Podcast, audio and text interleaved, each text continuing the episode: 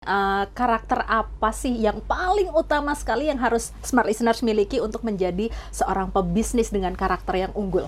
Tentu kalau misalkan um, bicara pebisnis kalau bisa idealnya 8 tadi ya. Tapi mm -hmm. mungkin kita mulai dari hal yang sederhana, mm -hmm. yaitu mengenali diri kita sendiri mm ya mengenali kekuatan kita, mm mengenali apa kehebatan kita, mengenali talenta, mengenali respon kita pada saat tertekan mm seperti apa, mengenali kalau bagaimana mengelola perasaan kita pada saat tertekan seperti apa, mm mengenali dan melatih respon kita agar kita menang dari kelemahan kita itu yang paling penting untuk kita lakukan. Yes. Smart Business. Hai Smart Listeners, kita berjumpa kembali dalam podcast Smart Business dan kali ini bersama saya Maria Delsa dan juga Mas Harmoni Esra dari Personix ID dan Power Character. Hai Mas Harmoni. Halo Mbak Maria. Apa kabarnya? Sehat dong. Gimana Maria? Gimana kabarnya? Sehat juga dong. Waduh, sudah bebas dari badannya. Ya. Safe juga kalau gitu ya. si dua subur ya. kita bikin dua aja nih Mas. Oh iya, dua apa nih?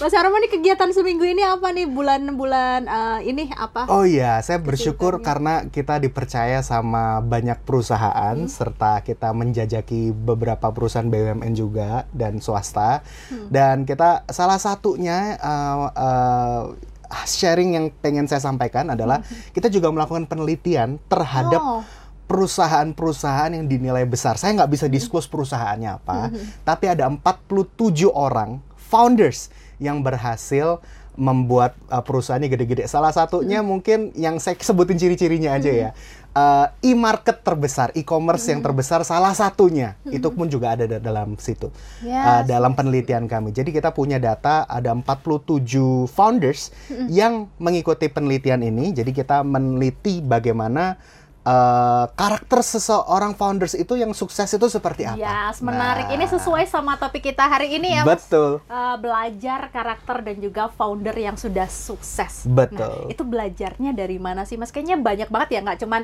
uh, founder bisnis-bisnis yang besar, bahkan sekarang para artis ini udah jadi bisnismen semua yang sukses-sukses. Contohnya Raffi Ahmad nih. Hmm. Apa yang bisa kita contoh dari si Raffi Ahmad ini sih? Betul. Hari ini kita akan belajar itu. Nah, seberapa penting sih kita harus uh, punya karakter yang unggul itu bisa menjadi pebisnis yang sukses, Mas. Betul. Nah, bisa kita contoh nih. Iya, hmm. jadi um, kembali saya mungkin kembali kepada poinnya ya. Hari ini saya hmm. akan menyampaikan ada delapan uh, poin ya, delapan hal yang bisa dimiliki orang seorang founders yang sukses, seorang pebisnis yang sukses hmm. gitu. Yang bisa kita contoh. Yang ya, kita bisa contoh. Ternyata benang merahnya mereka punya delapan hal ini gitu. Nah, serta juga ternyata ada hambatan-hambatan yang kita mesti overcome, hmm. yang harus kita lawan, harus kita menang dalam hmm. diri kita sendiri. Itu juga nanti kita akan bahas di sini. Nah, ini menarik sekali menarik sekali karena ada 47 founders ini kita juga melakukan uh, metodenya ini ya, kuantitatif dan kualitatif. Jadi pakai hmm. interview sekaligus juga kuesioner. Nah, jadi mungkin kita langsung bahas aja karena waktu hmm. kita nggak banyak di sini yes, ya. Betul. Jadi uh, sifat atau karakter yang mereka punya gitu ya.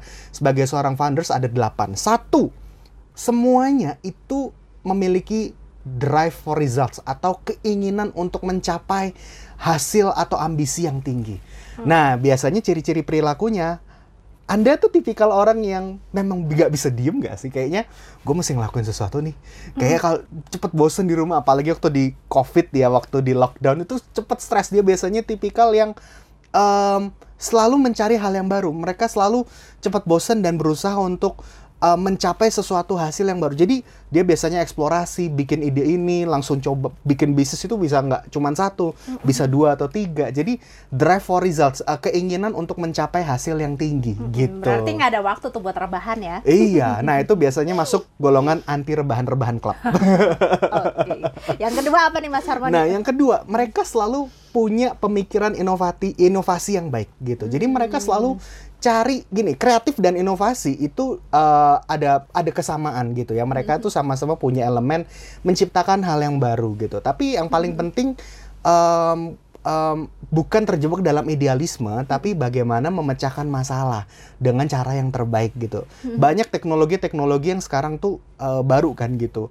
dengan AI, dengan uh, web, uh, dengan online dunia hmm. teknologi hari ini tuh mereka mencari hal-hal yang baru gitu.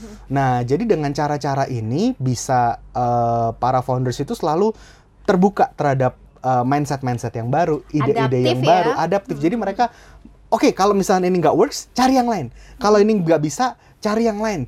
Kita ganti goalnya, kita ganti. Jadi mereka gampang sekali untuk switch target gitu, gampang sekali untuk switch cara untuk mencapai hal yang lebih maksimal. Apalagi pandemi ini memang harus dituntut ya untuk inovatif, Hmm. Betul kreatif sekali. seperti itu. Iya. Oke, yang ketiga Mas Nah, Harmoni. yang ketiga adalah mereka semua seseorang yang komunikatif gitu.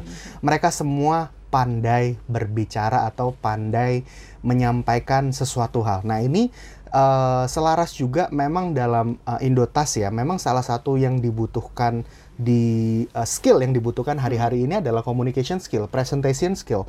Itu menjadi elemen utama sebagai para founders harus mereka miliki hal ini. Nah, sering kali kan kita mungkin banyak bilang, ah aku nggak pinter ngomong, ternyata ini bisa dilatih. Yes, betul. Orang yang suka ngomong dengan pandai berbicara, ingat ini dua hal yang berbeda. Orang yang pandai berbicara, dia melatih dirinya untuk bisa berbicara dengan baik gitu ya, menyampaikan pendapatnya, menyampaikan poinnya, berdiplomasi dengan baik tanpa menyinggung dan lain sebagainya. Nah, sedangkan kalau orang suka ngomong, dia learning by doing gitu. Jadi banyak salah, banyak eksplorasi. Oh, harusnya gue ngomong kayak gitu ya. Harusnya gue ngomong kayak gitu ya. Nah, jadi communication it's a important point. Jadi poin penting dalam uh, pebisnis harus dimiliki gitu ya. Nah, yang keempat adalah mereka punya network yang juga luas. Ya temennya itu luas banget. Ini kenal, ini kenal. Jadi dia selalu terlibat dalam acara-acara untuk kenal satu sama lain gitu ya. Nah, saya percepat mungkin ya karena delapan ini kalau dieksplorasi satu-satu lama Iya nih. sih. Ya, yang selanjutnya yang kelima adalah mereka punya good analytical thinking skill juga. Jadi mereka juga smart gitu ya. Mereka juga punya tahu nih kemampuan menemukan sumber masalah di mana, solusinya seperti apa, mengontrol dan mengeksekusinya seperti apa. Gitu. Nah, yang selanjutnya ternyata tadi kan bicara soal uh, lebih banyak ke karakter-karakter yang baik ya. Nah, ini ternyata ada juga elemen emotional management berikutnya, kemampuan mengelola stres. Ini juga penting. Yes. Pebisnis itu stres levelnya gila, tingginya tuh uh, tinggi banget gitu. Dan ini makanya banyak bilang uh, pe- banyak orang bilang bahwa pebisnis itu uh, perjalanan yang sunyi atau mudah kesepian karena nggak banyak yang memahami gitu. Kayak sebetulnya melay-off karyawan tuh mudah nggak sih? Susah sebetulnya. Tapi mau nggak mau perusahaan untuk berjalan harus melakukan hal itu. Banyak keputusan-keputusan yang banyak beresiko menyangkut kehidupan banyak orang. Jadi untuk mengelola stres serta juga eh, mengelola emosi dengan baik ini juga skill yang mereka miliki juga. Yang ketujuh adalah problem solver. Mereka semua fokus untuk memecahkan masalah dan yang terakhir mereka menunjukkan kredibilitas dan menunjukkan bahwa saya seseorang yang bisa dipercaya. Oke, delapan hal ini memang sudah harus dimiliki para orang-orang sukses itu ya, Mas, Betul. ya? Secara itu terlahir secara otodidak atau memang karena aku udah jadi pebisnis suk- sukses, aku harus punya delapan poin ini, Mas. Very good point ya. Ini pertanyaan mungkin mewakili juga banyak smart listeners juga. Nah, ini penting sebetulnya eh, untuk kita sadari ternyata eh, founders-founders ini ada yang memang secara natural terlahir memiliki traits-traits tersebut gitu. Tapi ada orang-orang yang memang secara natural itu eh, tidak natural maksud saya untuk mesti melatih dirinya untuk bisa Yes. melakukan hal-hal ini. Sebagai contoh, eh, saya ulangi contoh komunikasi tadi ya. Bicara soal komunikasi itu nggak semua orang langsung pandai berbicara, tapi dia melatih dirinya untuk pandai berbicara. Saya memang tipikal orang yang introvert misalkan. Saya nggak pinter ngomong dan nggak suka ngomong dan nggak suka ditonton. Dia mesti belajar untuk public speaking. Itu dia akan bisa karena terbiasa, ya. Tapi akan lebih mudah buat orang-orang yang memang suka ngomong gitu ya, untuk dia bisa melatih dirinya bisa jadi pandai berbicara. Karena dia lebih ya udah terjun aja ngomong aja. Ya salah coba lagi salah coba lagi gitu. Jadi memang eh, ada yang natural lebih mudah untuk menjadi seorang founders. Ada orang-orang yang lebih sulit gitu ya. Memang secara natural mesti mengalahkan dirinya sendiri untuk eh, lebih banyak ngomong lebih supel Contohnya senyum waktu ngomong, bercanda gitu ya. Uh, terus ngomong out of the box. Itu hal-hal yang perlu dilatih gitu.